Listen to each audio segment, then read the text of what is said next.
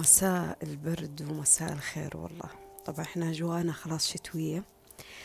دفاية وبرد ودوام شتوي وقت شتوي وليل طويل وتفاصيل الشتاء. وهو بارد جدا. آه إيش اللي كنت أبي أقوله؟ الله يدفي يا رب كل محتاج في هذا الوقت يا رب. أجواء صعبة صراحة لكن من الأجواء المحببة على قلبي. يعني أنا في دائرتي كثير من الناس ما تحب الشتاء. يعني تثقل فيه تتعب كثير فيه تمرض فيه تتكسل فيه. أنا بالنسبة لي حتى لو حتى لو يعني بعيد الشر عني وعنكم بس حتى لو تعبت فيه من الأجواء اللي جدا جميلة بالنسبة لي. وفصول من أجمل فصول السنة. يعني ليل طويل وسحب وبراد و... آه، وملابس الشتاء حلوة وطعم القهوة مختلف والسواليف الحميمية مختلفة والدفاية.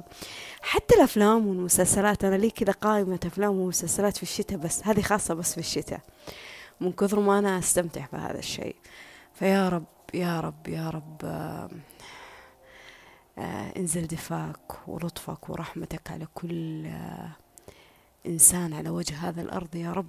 يحتاج للمأوى وللمأكل وللمشرب يعني احتضنوا الناس اللي حوالينكم وبعدين طالعوا في الناس اللي بعيدة يعني خصوصا فصل الشتاء. يعني الأكل يكون زايد والدفء ضروري يكون موجود و يعني مش من الفصول اللي تحتاج انتباه. أنا بادية بمقدمة ما أدري كيف بديت فيها. لا حول الله أنا في نوع ما مو فوضى لكن جالسة أخلي جسمي هو وعقلي وين ما يبغى يوديني يوديني. حلو؟ آه عندي مقاطع كثيرة في الجوال وما نزلتها وقلت إنه ما عاد بنزل مقاطع جديدة إلين ما أتخلص من المقاطع يعني أتخلص؟ لا كلمة كبيرة هذه. إلين ما أنا أقرر إني أنزل هذه المقاطع يعني. آه عشان مساحة الجوال وعشان في نفس الوقت أحس إني أنا آه يعني ماني جالسة أزيد الشيء وبدون ما خلصت الشيء اللي أول يعني وهكذا يعني. لكن لكن إيش اللي خلاني أسجل هذا المقطع اليوم؟ اليوم إحنا كم؟ خليه ينزل اليوم إن شاء الله بتاريخ اليوم اللي هو إحنا 29 نوفمبر. اللي خلاني أنزل هذا المقطع إنه جاني سؤال جدا لطيف. صحيت اليوم الصباح وأنا أشرب قهوتي أفتح الرسائل الخاصة اللي يجيني سؤال جدا جميل وجدا لطيف وما حبيت صراحة إني أنا أجاوب بس في الخاص ولا حبيت إني أنا أكتفي في الجواب لهذه الإنسانة بس حبيت إني أنا أشارككم. فعشان كذا أنا اليوم استثنيت هذا الشيء ونزلت المقطع أول بأول. مهم قالت لي وحدة من البنات آه فاطمة آه أحس إنه إنه طاقتي دائما مستنزفة. وأحس يا فاطمة إنه قد ما أجيب أشياء حلوة في حياتي ما ماني جالسة أوصل في في مرحلة إنه أكون راضية فيها. وبنفس الوقت يا فاطمة دخلت في مرحلة من الوعي ومن التطوير ومن التغيير ودخل دورات عن هذا الشيء وقرأت كتب عن هذا الشيء وورشات ورشة عمل وسويت أشياء كثيرة يا فاطمة. وصلت لمرحلة قلت فيها أنه أوكي أنا حبيت نفسي لكن في شيء فقدته في نفسي. ما أحس أنه البهجة نفسها ما أحس أنه تفاصيل يومي نفسها أحس في شيء مختلف. في شيء مزعجني يا فاطمة بس ما عارفة كيف أنا أوجه آه، النور عليه عشان أحتويه وفي نفس الوقت أحس شيء في طاقتي ما هو جالس يساعدني أحيانا. آه ليه بديت كلامي؟ عشان أرد عليها وعليكم يعني.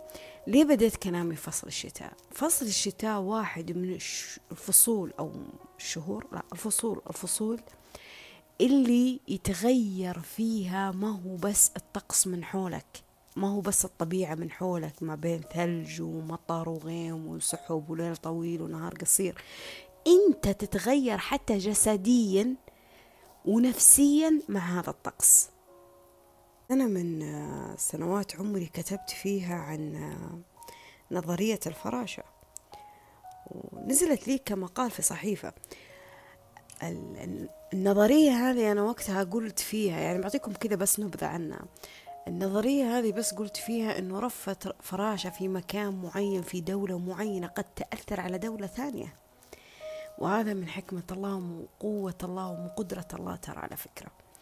إحنا أحيانا نفتكر إنه إنه الطبيعة الطبيعة اللي حوالينا اللي أنا أقصد فيها المطر والغبار وال والبحر والشجر والأشياء هذه ما تأثر علينا. إحنا نفتكر إنه فصول السنة لما تيجي اللي هو خريف وشتاء وربيع ما تأثر علينا. لا تأثر تأثر. وجسدك يتأثر بهذا الشيء بشكل كبير وجسدك لما يتأثر روحك كمان ونفسيتك تتأثر ترى على فكرة. تتأثر. إذا طعامك أو خليني أقول أكلك يختلف. فصل الصيف عن فصل الشتاء. آه، شربك للموية الفصل الصيف الصيف عن الشتاء يختلف ترى على فكرة. نومك يختلف. آه، الساعة البيولوجية زي ما نقول تختلف. بس كذا تدخل جوجل تك تك تك تك تك تكتب فيها إنه تأثير فصول السنة علينا راح تكتشف أشياء عميقة جدا. كيف أن الفصول تأثر عليك؟ سبحان الله. وفعلا تأثر. يعني سبحان الله يعني آه، ربي ذكر لك تعاقب الليل والنهار وذكر لك الشمس والقمر وذكر لك آه، آه، النجوم وذكر لك الأرض وذكر لك النار وذكر لك الماء. ليه؟ لأنها كلها أشياء أشياء تأثر على جسدك.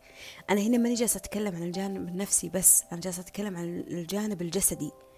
الجسدي اللي هو من الطبيعي ما بين فصل وفصل يجيك رشح زكمة سخونة طبيعي طبيعي لأنه جسدك بدأ آه، آه، يعني يتغير أو يتهيأ للفصل الجديد. فعشان كذا سبحان الله ربي وضع آه، في جسدك اللي هو إيش يسمونها والله أنا عندي واحدة من صديقاتي كذا تحب تسميها مسمى كذا لطيف.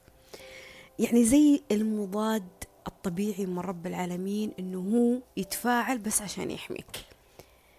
إلا من رحم ربي يعني في ناس آه، عندهم أمراض يعني مرة يعني عميقة ولازم ياخذون عليها أدوية عشان هذا المضاد يشتغل في جسدها. المهم المهم فجسدك يتأثر في هذا الطقس. يتأثر. أحيانا يعني لما يجي غبار ولا يعني الجو يكون مرة مطر تحس إنك خملان تحس إنك كسلان تحس إنك تبغى تنام. في ناس جسدها عكس آه، تحس إنه في عندها طاقة تجدد تحس إنها تبغى تطلع تحس إنها تبغى تخرج تحس. الناس تختلف. في ناس هفة هواء باردة خفيفة جسدها يتعب منها. وفي ناس عكس في ناس فصل الصيف من كثر شدة الحرارة تتوفى. أنت متخيل؟ تتوفى ما تتحمل الحرارة هذه العالية في الجو في النفس ما تقدر تتحملها. فجسدك يتأثر. هذا أول حاجة أنا أبغاك تكون لطيف ورحيم فيها على نفسك. تفهم نفسك فيها. أنا أنا إيش الفصل اللي محبب لي في, في, في السنة؟ أنا جسدي كيف يستقبل هذه الفصول يعني مثلا فصل الشتاء بما أننا في الشتاء الحين أو بندخل الشتاء.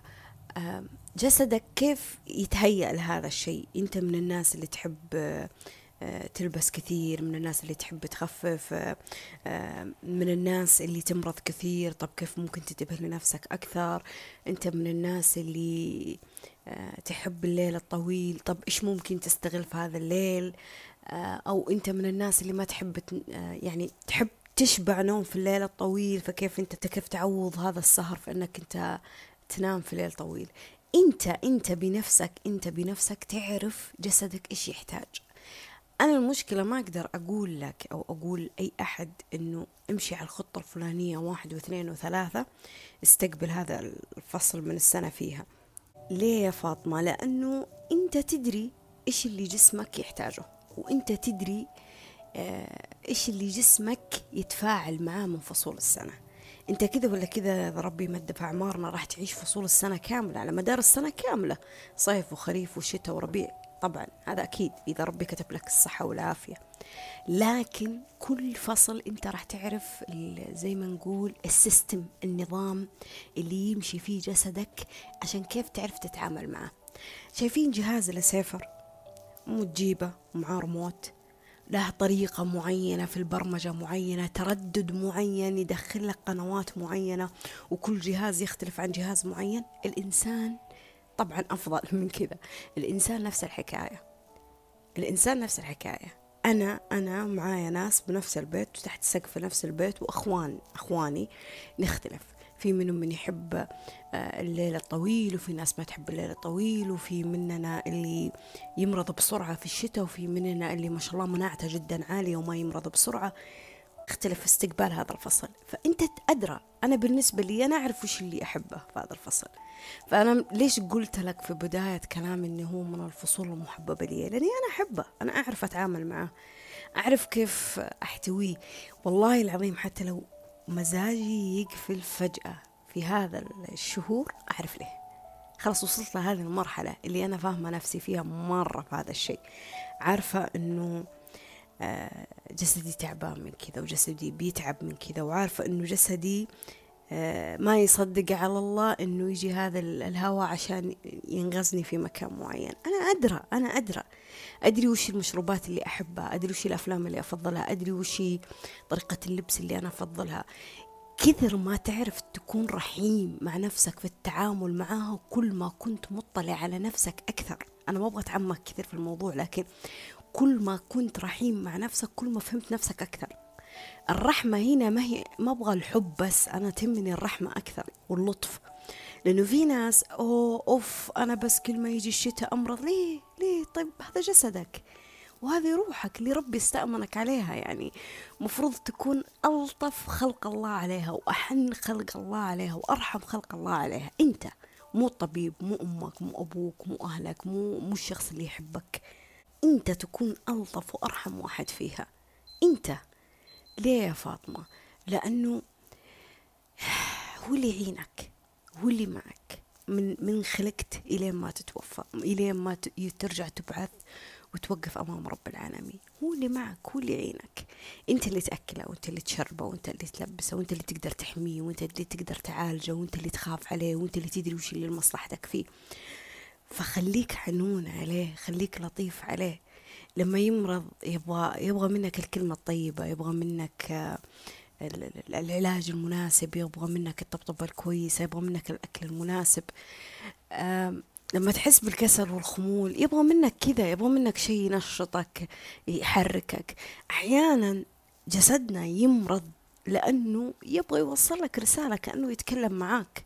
يقول لك أنا مليت من الجلسة أو أنا مليت من, من, من الوقفة الطويلة أو أنا مليت من شيل الأشياء الثقيلة أو أنا أحتاج تغيرني أو أحتاج أنك تشيني وتقلعني زي الأسنان أو أحتاج أنك تخفف من تخمة الأكل أو أحتاج أنك تأكل زيادة.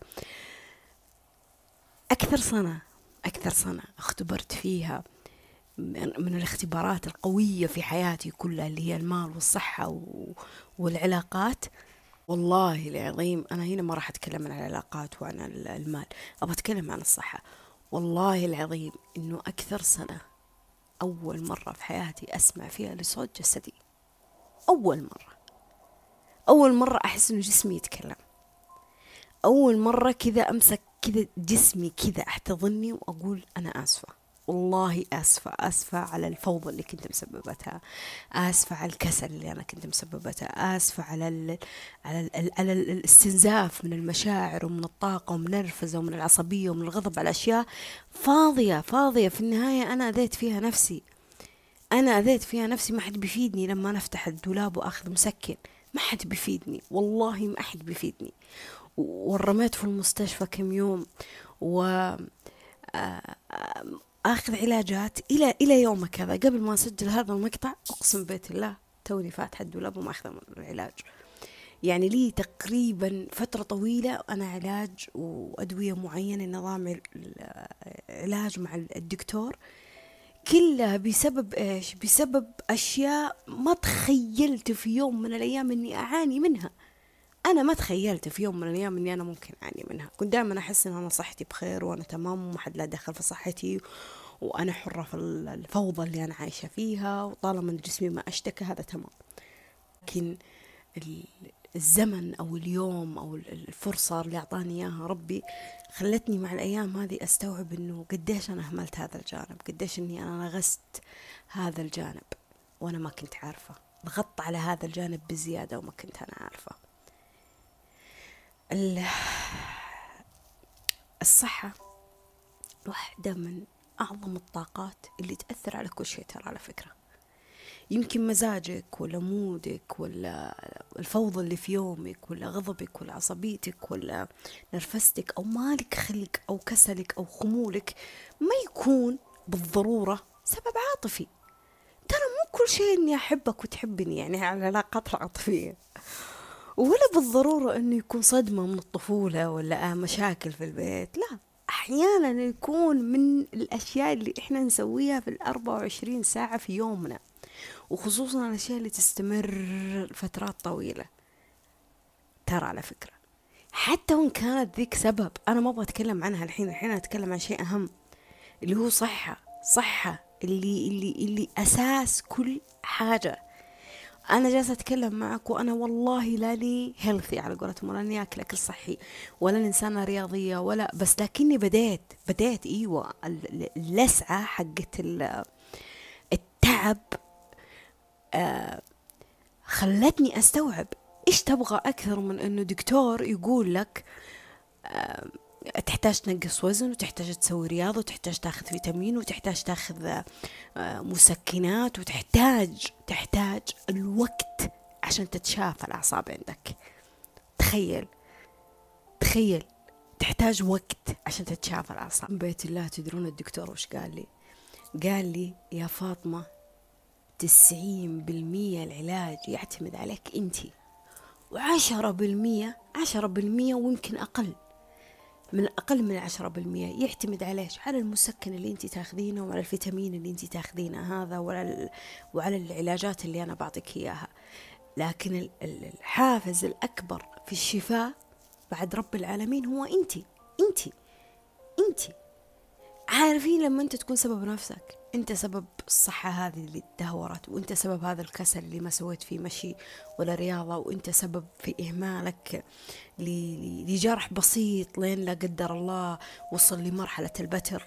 أو انت سبب في في آه، آه، تعب جسدك.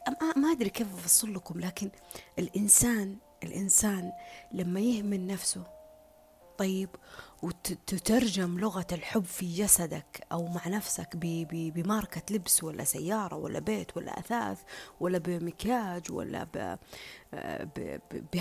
بهيئة, معينة وأقول والله هذا أنا جميلة وأحب نفسي ولكن الصحة معدومة والله ما راح يفيد. أقسم بيت الله ما في شيء يفيد فيها. أقسم بيت الله يا متابعيني وأصدقائي إني من شدة التعب قلت يا رب أنا متنازعة أحيانا برغباتي أنا ما أبغى حاجة. أبغى شيء بس يا رب. إني أقدر أرجع أنام زي ما أنا كنت أنام مرتاحة وأصحى زي ما أنا كنت مرتاحة وإني أتحرك في يومي مرتاحة أستمتع في قهوتي وأنا طيبة وبخير أقدر أأدي مهامي وتفاصيل يومي أقلها الصلاة أقدر أوقف بين يدينك وأنا أنا طيبة وبخير خلاص هذا بالنسبة لي تسوى الدنيا وما فيها بعدها يجي بعدها اللي اللي هو. خلاص وصلت لهذه المرحلة. التفكير عندي وقف على الصحة وقف على الصحة ما عاد أبغى شيء ثاني. أبغى بس أكون بخير. بس خاصة اللي توصلون لمرحلة إنه من كثر الأدوية ومن كثر العلاجات تحسون إنه يا رب كيف؟ طيب أنا تعبت. إلى متى؟ مو ساخط فهموني مو ساخط. أنا ماني ساخطة ربي عالم بنيتي بالكلام اللي أنا أقوله. لا هو مو ساخط هو هو مرحلة من الملل اللي ما عرفت فيها كيف تتعامل مع نفسك. مرحلة من العتاب. أنا أدري إن الماضي ما يقدر ما نقدر نرجع ونعدل فيه مع إني أتمنى والله لو تجيني فرصة إني أرجع للماضي والله ما أوصل نفسي لهذا التدهور الصحي. لكن على اللي فهمته إنه ما في أحد أحن عليك منك. ما في أحد أحن عليك منك. أنا آسفة على الإزعاج تعرفون مدارس وما مدارس الناس طلعت. لكن ما في أحد ترى أحن عليك منك. والله ما في أحد أحن عليك منك. أنا كنت مع ناس تحبني جدا تتمنى لي الخير جدا وشفتها في مواقف كثيرة لكن لما جت على موضوع الصحة ولا ما ما في أحد اهتم. عرفتوا كيف؟ يعني ما في أحد قال لي فاطمة انتبهي طريقة أكلك انتبهي طريقة نومك انتبهي طريقة الموية انتبهي لكثرة الكافيين اللي تشربينه انتبهي لما ما ما حد ركز في ذا الأشياء. كله سفاسف تافهة غيرة و... وأشياء ثانية. يعني أنا كنت أبغى أحد يسندني في صحتي نفسها.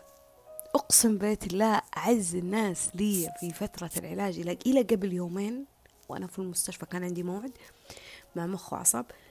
والله والله إنه الناس اللي عاشرتها خمسة عشر عشر سنوات والناس اللي عرفتها بخمس سنوات ما شفت حتى رسالة منهم. ما شفت حتى رسالة.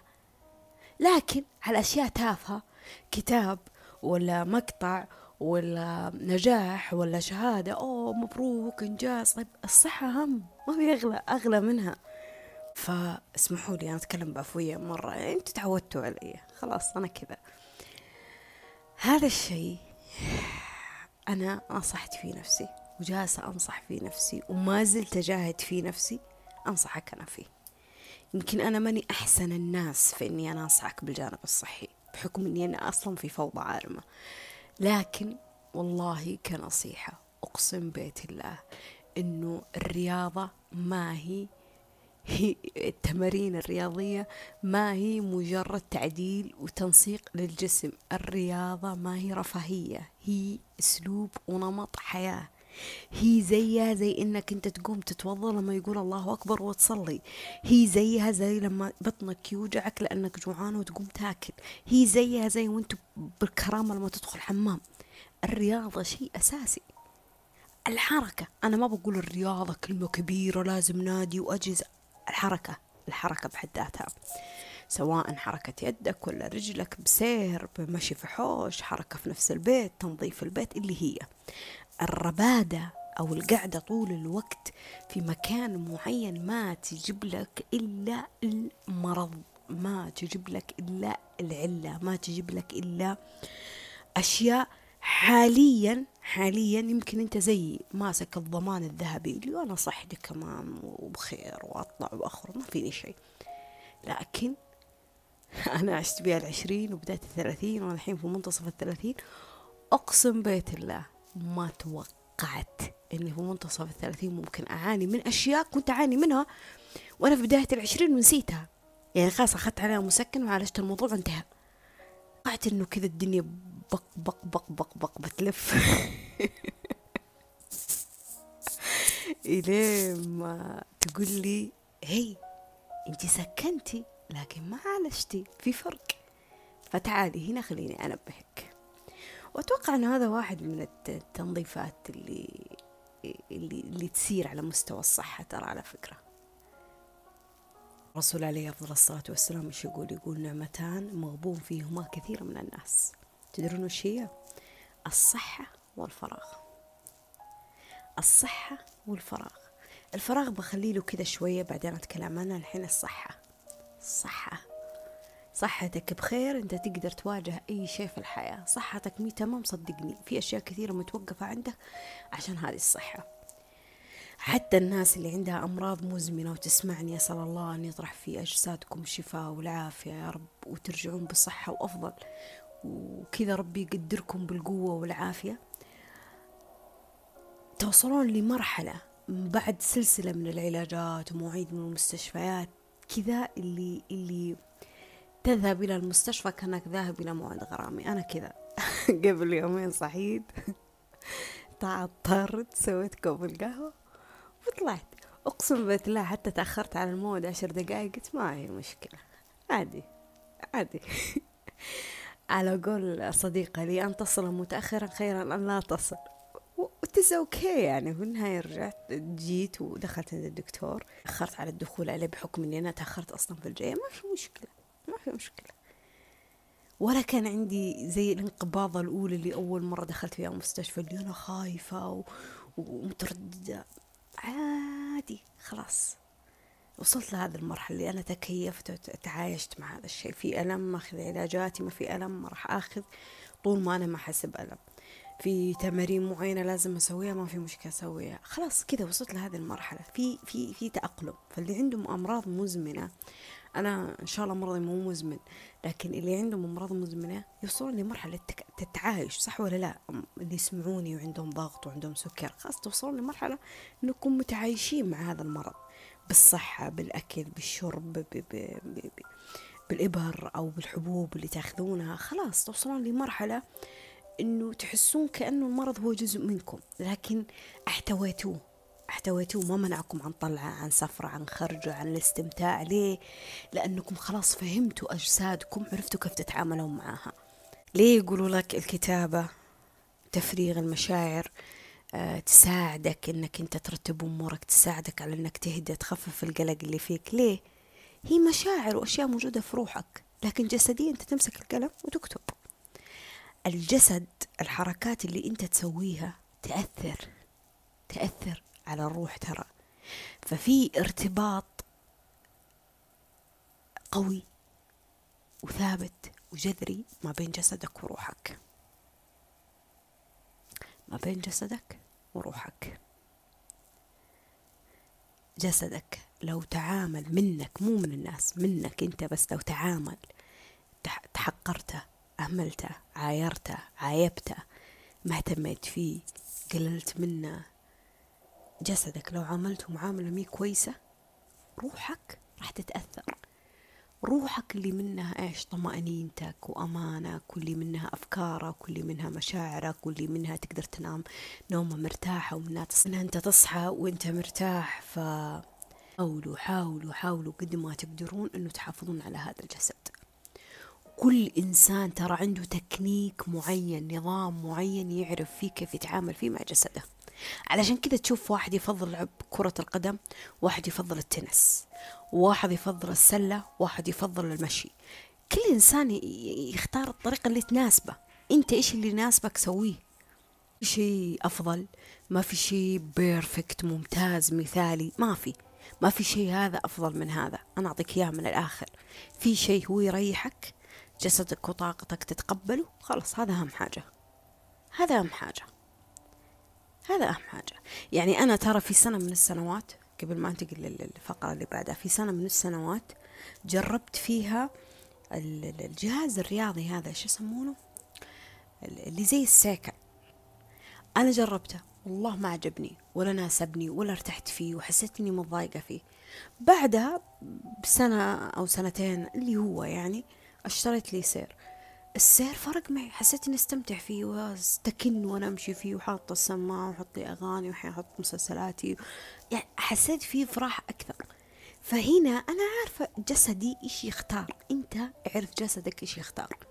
من ناحية الأكل من ناحية الرياضة من ناحية المشروبات اللي تفضلها من ناحية الحركات اللي تسويها من ناحية وضعيات الاسترخاء آه، من ناحية آه، التفاصيل الحركية اللي في جسدك عشان روحك تتأقلم معها هذه نقطة. النقطة الثانية اللي هي واحدة من أقوى النظريات ومن أجمل الدراسات اللي اللي على قد ما قريت عنها وعلى قد ما أبحرت فيها وأرجع كذا أتوه في زحام الكتب والمقاطع والكلام الثاني أكتشف أنه كل شيء يرجعني لهذه النظرية. أكتشف أنه هذه النظرية قائمة على أساس خليني أقول قوانين حياتية أساسية أصلا. أنت لو فهمتها فهمتها تعتبر كأنك فهمت القاعدة الذهبية الأساسية حقت الحياة وبعدها في قواعد للحياة كثيرة. هذه القاعدة الأساسية وهي هرم ماسلو ماسلو للاحتياجات. هرم ماسلو للاحتياجات يمكن قد درسناها وقد قرينا عنها وقد سمعنا مقاطع تتكلم عنها ويمكن تقول ليش الكلام الفاضي هذا يا فاطمة؟ لكن والله العظيم هذه النظرية لو أتقنت فهمتها فهمها بطريقة صحيحة تغيرت عندك مفاهيم عالية. هي هذه قائمة على أي أساس؟ أصلا قائمة على أي أساس يا فاطمة؟ قائمة على الأساس اللي يحتاجه الإنسان في حياته. إبراهام لما قال انه إنه هي نظرية التحفيز البشري يعني هي نظرية الخطة اللي تمشي فيها في حياتك أصلا. شفتوا قواعد السعادة وقواعد الإنجاز ووضع خطط للأهداف والأحلام والأمنيات والتنظيف والكلام هذا؟ لو فهمت قوانين النظرية هذه ترتبت عندك هذه الأشياء تلقائيا أصلا. النظرية النظرية ما تبدأ من فوق من تحت. يعني هي مثلث اسمه هرم. ما يبدأ من القمة يبدأ من تحت إلى فوق يعني بالتدرج إلى فوق. إحنا إيش مشكلتنا؟ أو بعضنا يعني عشان ما نقول كلنا نفس التفكير. بعضنا إيش مشكلته؟ عالق في القمة وناسي القاع اللي هو الأساس. أنت لما تيجي تبغى تبني على أرض لابد حتى وإن كان عندك كل المواد والإمكانيات أن تحيي هذه الأرض بطريقة صحيحة لو كانت الأرض سيئة ما تنفع للزراعة ولا ما تنفع للبنى والله لا المعدات ولا المقاولين ولا المهندسين بيقدرون يسوون فيها شيء. وأضرارها إلا ما راح تبان على سنين طويلة إذا ما بانت بشكل مؤقت. بشكل أسرع. مش تظبط الأرض على أساسها تقدر تبني تبني تبني تبني تبني لين ما توصل لملحق صح؟ أنا على أساس أظبط الأرض وبعدها أحط البذرة وبعدها أسقيها وبعدها أستنى إلى موعد الحصاد. أنت نفس الحكاية. أنت جو... أنت أصلا جزء من هذه الأرض.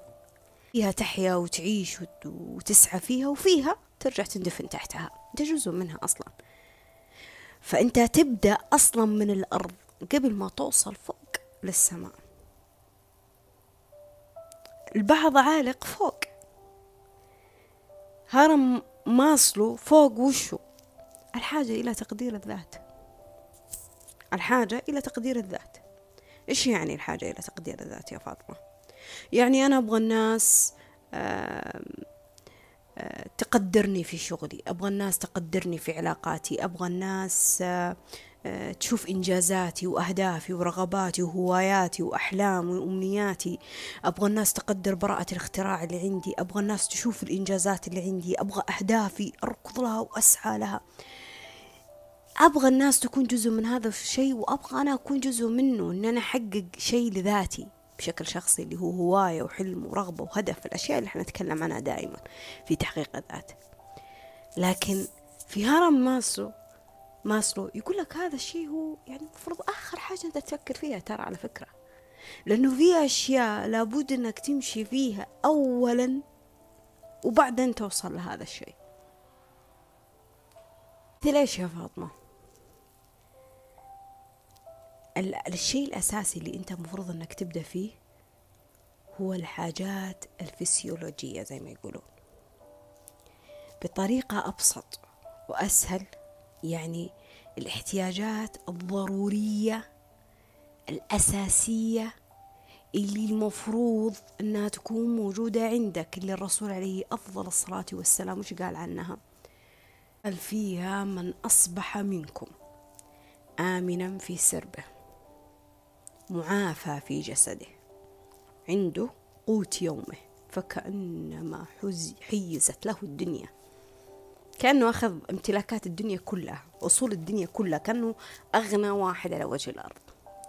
بس قادر ياكل صحته تمام وعنده مكان قادر إنه يتآوى فيه وآمن خلاص. هو حقق أصلا الحاجة الأساسية اللي قال عنها هارون.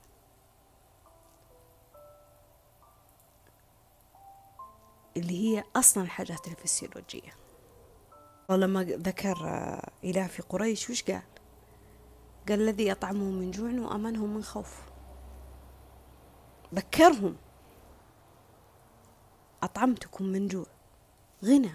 إنك تاكل تقدر تاكل وتشرب. هذا غنى ترى. إنك تقدر تشرب موية نظيفة هذا غنى. إنك تقدر وأنت بكرامة تروح الحمام هذا غنى. إنك تقدر تقدر تنام في مكانك ومرتاح ومآوى ودافي. هذا غنى. صداقات عظيمة تقام على إيش؟ على مساعدة الناس اللي ما عندها مأوى ولا اللي عندها ما عندها بيت ولا اللي ما عندها استلزامات الشتاء أو ما عندها أكل ومشرب أو نوفر لها موية. صداقات عظيمة. تقام على كذا. لما تدخل برنامج إحسان مثلا على سبيل المثال. أو إنسان عنده مرض معين ويبغى علاج مثل مثل موقع شفاء. تعرف إن هذه أشياء أساسية لو توفرت للإنسان قدر الإنسان فيها يعيش حياة كريمة. شفتوا الحياة الكريمة؟ هذه حياة كريمة. هذه هي. إنك أنت قادر تاكل وقادر تشرب وقادر تنام وقادر تدخل حمام وتطلع من حمام وقادر إنك آه تتعايش في يومك بالحاجات الأساسية هذه. توفرت هذه الحاجات الأساسية قدرت فيها تنتقل للمرحلة الثانية. قدرت فيها تنتقل للمرحلة الثانية. الإنسان قليل ما يشكر. ممكن ربي يوفر له كل هذه النعم وأكثر. وزود يعني وصل لمرحلة التبذير والإسراف حتى فيها. ومع ذلك تلقاه يحس بنكد ويحس بحزن ويحس بضيقة ويحس إنه مو مرتاح ويحس إن الحياة مي حلوة. ليه؟ ليه فاطمة؟ ليه؟ لأنه هو مو شايف النعم هذه هذه. شفتوا النعم هذه البسيطة؟ هو مو شايفها. مو شايف إنه صحته تمام قادر أتنفس بدون علاج. مو شايف إنه أنا والله أقدر أصحى من نومي أكل ما اشتهي وأطق الغلاية وأسوي قهوة مو شايف. وإني أقدر اليوم أشغل المكيف وانسدح بفراشي مو شايف.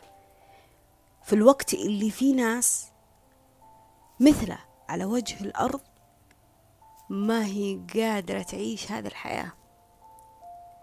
الله أعلم في حالهم والله ألطف بحالهم ابحث اقرأ شوف. راح تصدم. أبسط الأشياء اللي اللي اللي أنت تجيك بدون ضغطة زر بدون حتى مجهود عالي. في ناس في ناس تحتاج القوة والكفاح بس عشان توفر هذا الشيء اللي هو لقمة عيش ولا مكان نظيف ولا هدمة نظيفة تقدر تاكلها تلبسها ولا شيء بسيط تقدر تاكله. شيء بسيط بس تخيل تخيل تقضي عمر وسنين بس عشان توفر هذا الشيء. تجي الحاجة للأمان. تدرون وش هي الحاجة للأمان؟ يعني أول شيء حاجات فسيولوجية اللي هي حاجات أساسية لابد أنها تكون موجودة عندك ولابد أنك تسعى في حياتك أنك توفرها. أنت تتوظف عشان تجيب الأكل والشرب واللبس أو أهلك يصرفوا عليك عشان يوفروا لك الأكل والشرب. ليه لأنها أشياء أساسية.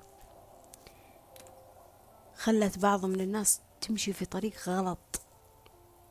غلط. طريق أسأل الله إنه يعوضهم عوض عوض الصابرين. وإن يهدي أرواحهم لما هو في خير لهم. بسبة إيش؟ بسبة الفقر. ما هي قادرة تاكل ومي قادرة تشرب ومي قادرة تمشي في طريق يعني ما هي قادرة. تبغى تبغى مكان تآمن نفسها فيه تبغى مكان تقدر تاكل فيه تبغى مكان تقدر تشرب فيه تقدر تبغى مكان تقدر تنام فيه. ناس تتغرب تجيك من آخر بقاع الأرض. بس عشان تيجي تخدم في بيتك عشان إيش؟ والشغل مو عيب. أبدا مو عيب. لكن عشان إيش؟ اسألوهم اللي عندهم خدم في البيت اسألوهم. راح تقول لك أبغى أشتري بيت ولا أبغى أدرس عيالي ولا عندنا المعيشة هناك صعبة وما في أكل وشرب وما في ما أدري إيش. في أشياء فسيولوجية أساسية هي تبغى تأمنها عندها في بيتها سواء كان رجل ولا امرأة. في ناس ما ما ما هي حاسة في الأمان في المكان اللي عايشة فيه. ليه في حقوق إنسان؟ ليه في رعاية اجتماعية؟ ليه في حقوق للطفل؟ ليه في أماكن للمعنفين؟ ليه في دار رعاية؟ ليه الدولة اللي أنت عايش فيها عندها صلاحية إنها تاخذك من وسط البيئة اللي أنت حتى ممكن ولدت فيها؟ إذا بس اكتشفت إن هذه البيئة جالسة تعاملك معاملة مي كويسة سواء جسديا ولا نفسيا. ليه؟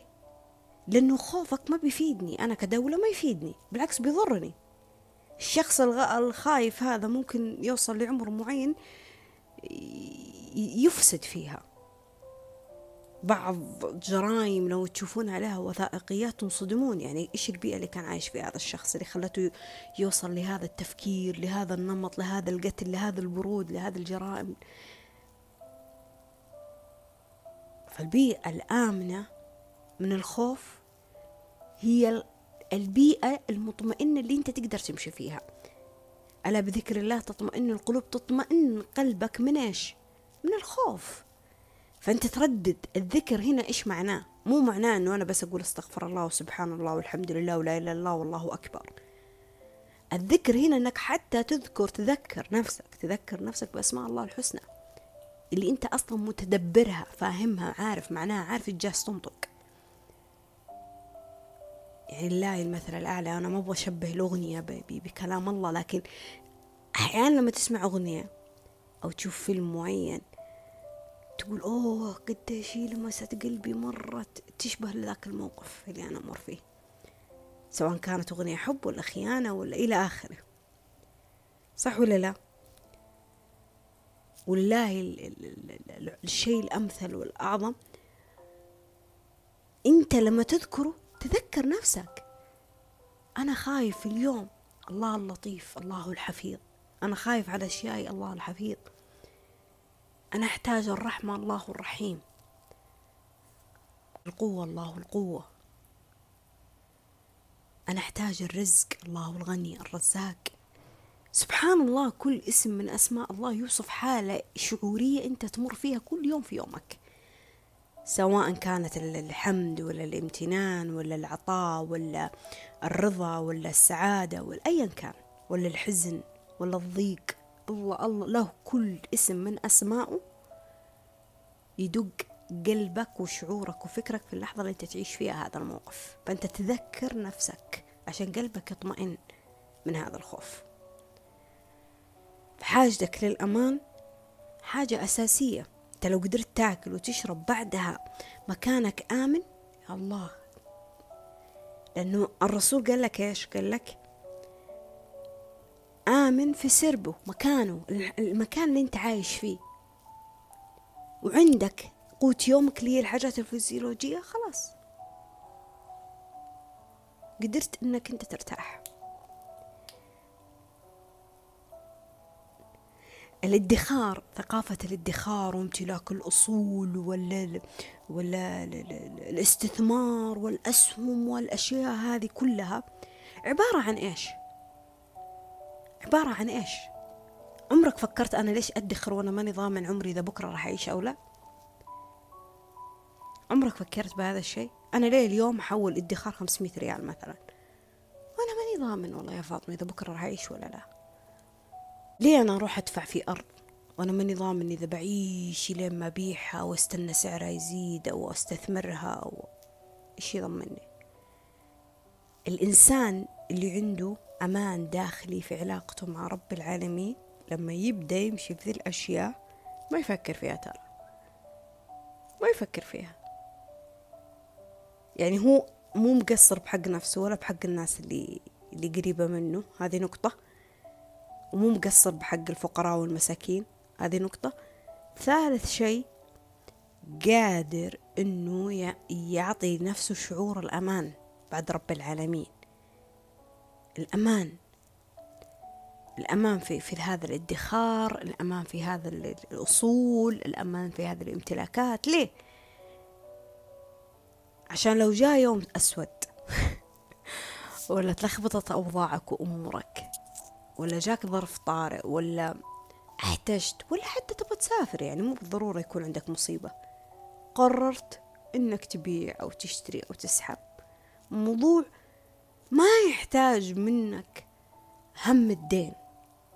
الموضوع ما يحتاج منك هم القلق. هم أنا ما عندي. عشان كذا الواحد يدخر إن شاء الله لو خمسين ريال. خمسين ريال. إن شاء الله لو راتبه كله يروح في, في الاستمتاع بس يدخر خمسين ريال هذا شيء كويس. ليه؟ لأنها تعطيك القوة. ما عمركم شفتوا الأغنياء؟ ما تلاحظون إنه فيهم كذا قوة غريبة؟ ما تلاحظون إنه حتى لو ما كان شخص من أثرياء أثرياء العالم لكن غني بحاجة معينة يعني. حتى لو كان يمتلك بس أرض ولا سيارة غالية ولا بيت غالي ولا أصل غالي يعني. حتى لو ما كان ذاك الغلا بس غالي. بتحسون كذا تلمسون فيهم فيهم قوة. تحسون فيهم كذا نوع من الثقل كذا. ليه؟ لأنه المال يسند. المال يسند. المال والبنون. زينة الحياة الدنيا. المال. مال. أول حاجة هي اللي تسندك. هي اللي اللي اللي أنت ممكن تتغرب علشانها. هي اللي ممكن تسعى علشانها. بسببها بتتزوج هي اللي بسببها تصرف هي اللي بسببها تعيش اللي بسببها تاكل وبتشرب. هي اللي بسببها توفر لك معيشة كريمة. تعطيك هذا الشعور من الأمان. شعور بالأمان يجي بهذا الأمان. يلاحظوا الناس اللي عندها مشاكل مع البيئة اللي هي عايشة فيها. تحسوا مهما امتلك فلوس وسفر وعلاقات وأشياء و... يحس في شعور كذا في داخله مو مرتاح.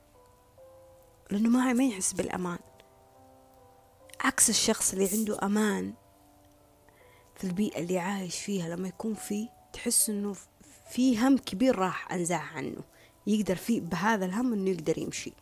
اللي يسمونه سبورت يعني في دعم. عائلي أو في في البيئة اللي هو عايش فيها. بيئة ما بتكون مثالية. طيب؟ بيئة ما بتكون مثالية. ما حد مثالي. أنت بنفسك ما أنت مثالي. فالطالب أمك وابوك انهم يكونوا مثاليين. ما حد مثالي. لكن على الأقل تقدر تكون فيها مرتاح. هذه البيئة. هذا الشيء هذا الشيء في البيئة هذا هو اللي يعطيك هذه القوة. ترى على فكرة الأمان اللي أنت بحاجة له. صدمات الطفولة اللي نسمعها كثير الحين والكثير يتكلم فيها والكثير يأخذ من وراها فلوس صدمات الطفولة أصلا قائمة على إيش؟ على حاجات الأمان في مستويات الحاجات الإنسانية لهرم ماسلو ترى على فكرة. أنت لو فهمت ذا الشيء بتفهم إيش يعني صدمة الطفولة.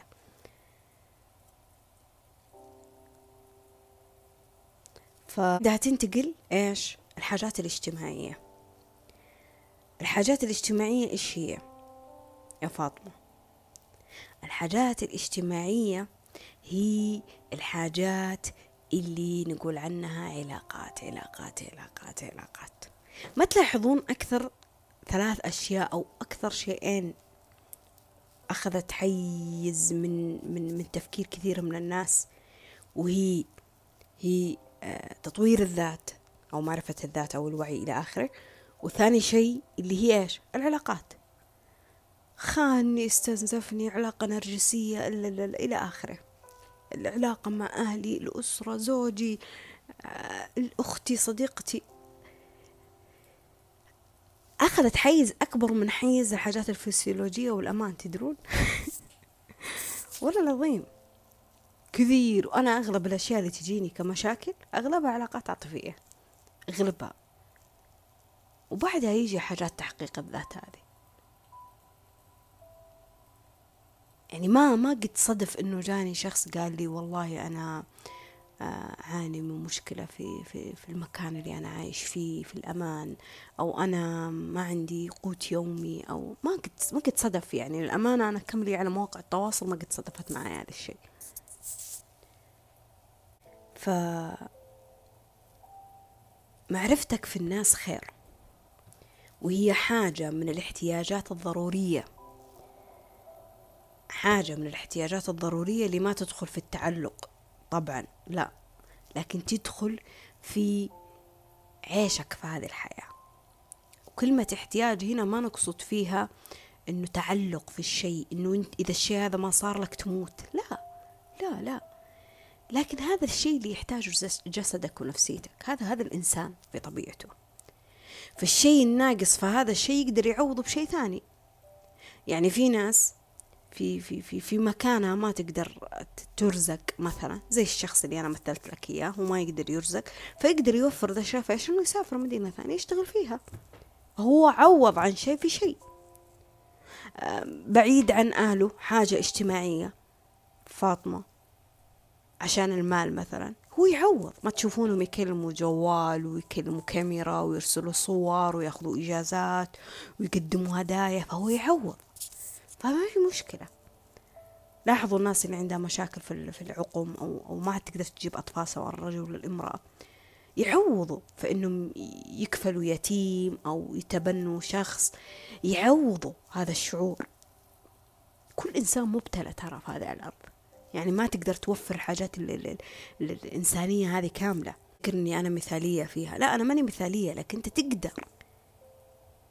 تقدر إنك تسوي البدائل لها عشان تعوضها. يعني زي الحاجات الفسيولوجية مثلا. أنت بتاكل وأنا باكل سواء أنا فقيرة وأنت غني أنت بتاكل وأنا بتاكل. في النهاية أنا شبعت وأنت شبعت. حتى لو أنت أكلت أكل قيمته 400 وأنا أكلت أكل قيمته 10 ريال. النهاية أنا شبعت وأنت شبعت.